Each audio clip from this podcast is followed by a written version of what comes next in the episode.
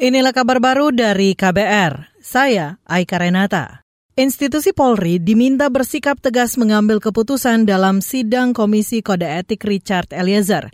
Sidang kode etik terhadap Eliezer terkait pembunuhan Yosua Huta Barat digelar hari ini. Pengamat kepolisian dari Institute for Security and Strategic Studies, ISESS, Khairul Fahmi mengatakan, Polri harus tegas karena Eliezer terlibat dalam pembunuhan Yosua kita tidak bisa menuntut masa bahwa perbuatan melawan hukumnya itu juga ada, walaupun itu atas perintah gitu ya. Nah kita bisa berempati karena dia menjalankan perintah itu kan. Tapi cara etik ini kita juga harus hormati ya etika profesi di kepolisian ini bahwa hal-hal itu dianggap melanggar etik kan gitu. Ini yang saya kira perlu dipahami.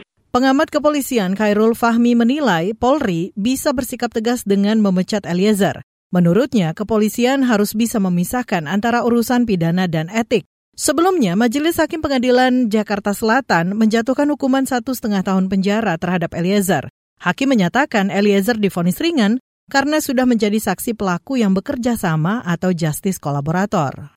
Kita ke informasi pemilu. Kabar pemilu. Kabar pemilu. Ketua Umum Partai Nasdem, Surya Paloh berharap pemilu 2024 tidak mencekam dan tidak merusak persatuan Indonesia.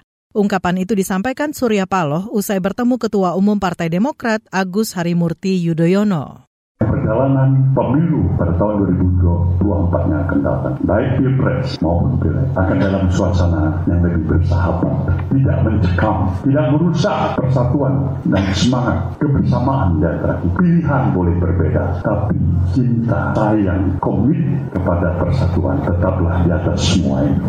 Sementara itu, Ketua Umum Partai Demokrat Agus Harimurti Yudhoyono memastikan bakal memperkuat hubungan koalisi perubahan yang terdiri dari Partai Demokrat, Nasdem, dan PKS. Sejauh ini, koalisi ketiga partai itu mendukung ex-gubernur Jakarta Anies Baswedan untuk maju di Pilpres 2024.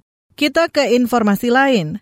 Menteri Keuangan Sri Mulyani mengecam tindakan penganiayaan yang diduga dilakukan anak dari pejabat Ditjen Pajak Jakarta Selatan. Terduga pelaku bernama Mario Dandi Satrio. Ia diduga menganiaya korban bernama David hingga tak sadarkan diri. Melalui unggahan di Instagram, Sri Mulyani mendukung agar kasus tersebut ditangani secara hukum. Dia juga mengecam gaya hidup mewah yang dilakukan keluarga jajaran kementeriannya. Sri Mulyani mengatakan gaya hidup mewah bisa mengikis kepercayaan masyarakat terhadap integritas Kementerian Keuangan. Menteri Keuangan juga memastikan bakal menerapkan tindakan disiplin bagi jajarannya yang melakukan korupsi dan pelanggaran integritas.